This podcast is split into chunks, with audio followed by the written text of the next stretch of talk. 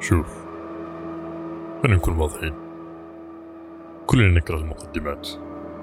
دايما نسوي لها skip لهذا السبب هذا البودكاست لا راح يكون فيه intro ولا outro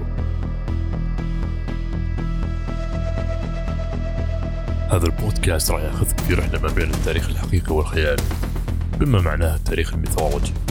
وراح نركز على الجوانب المثيرة للاهتمام وحتى نزيد المتعة.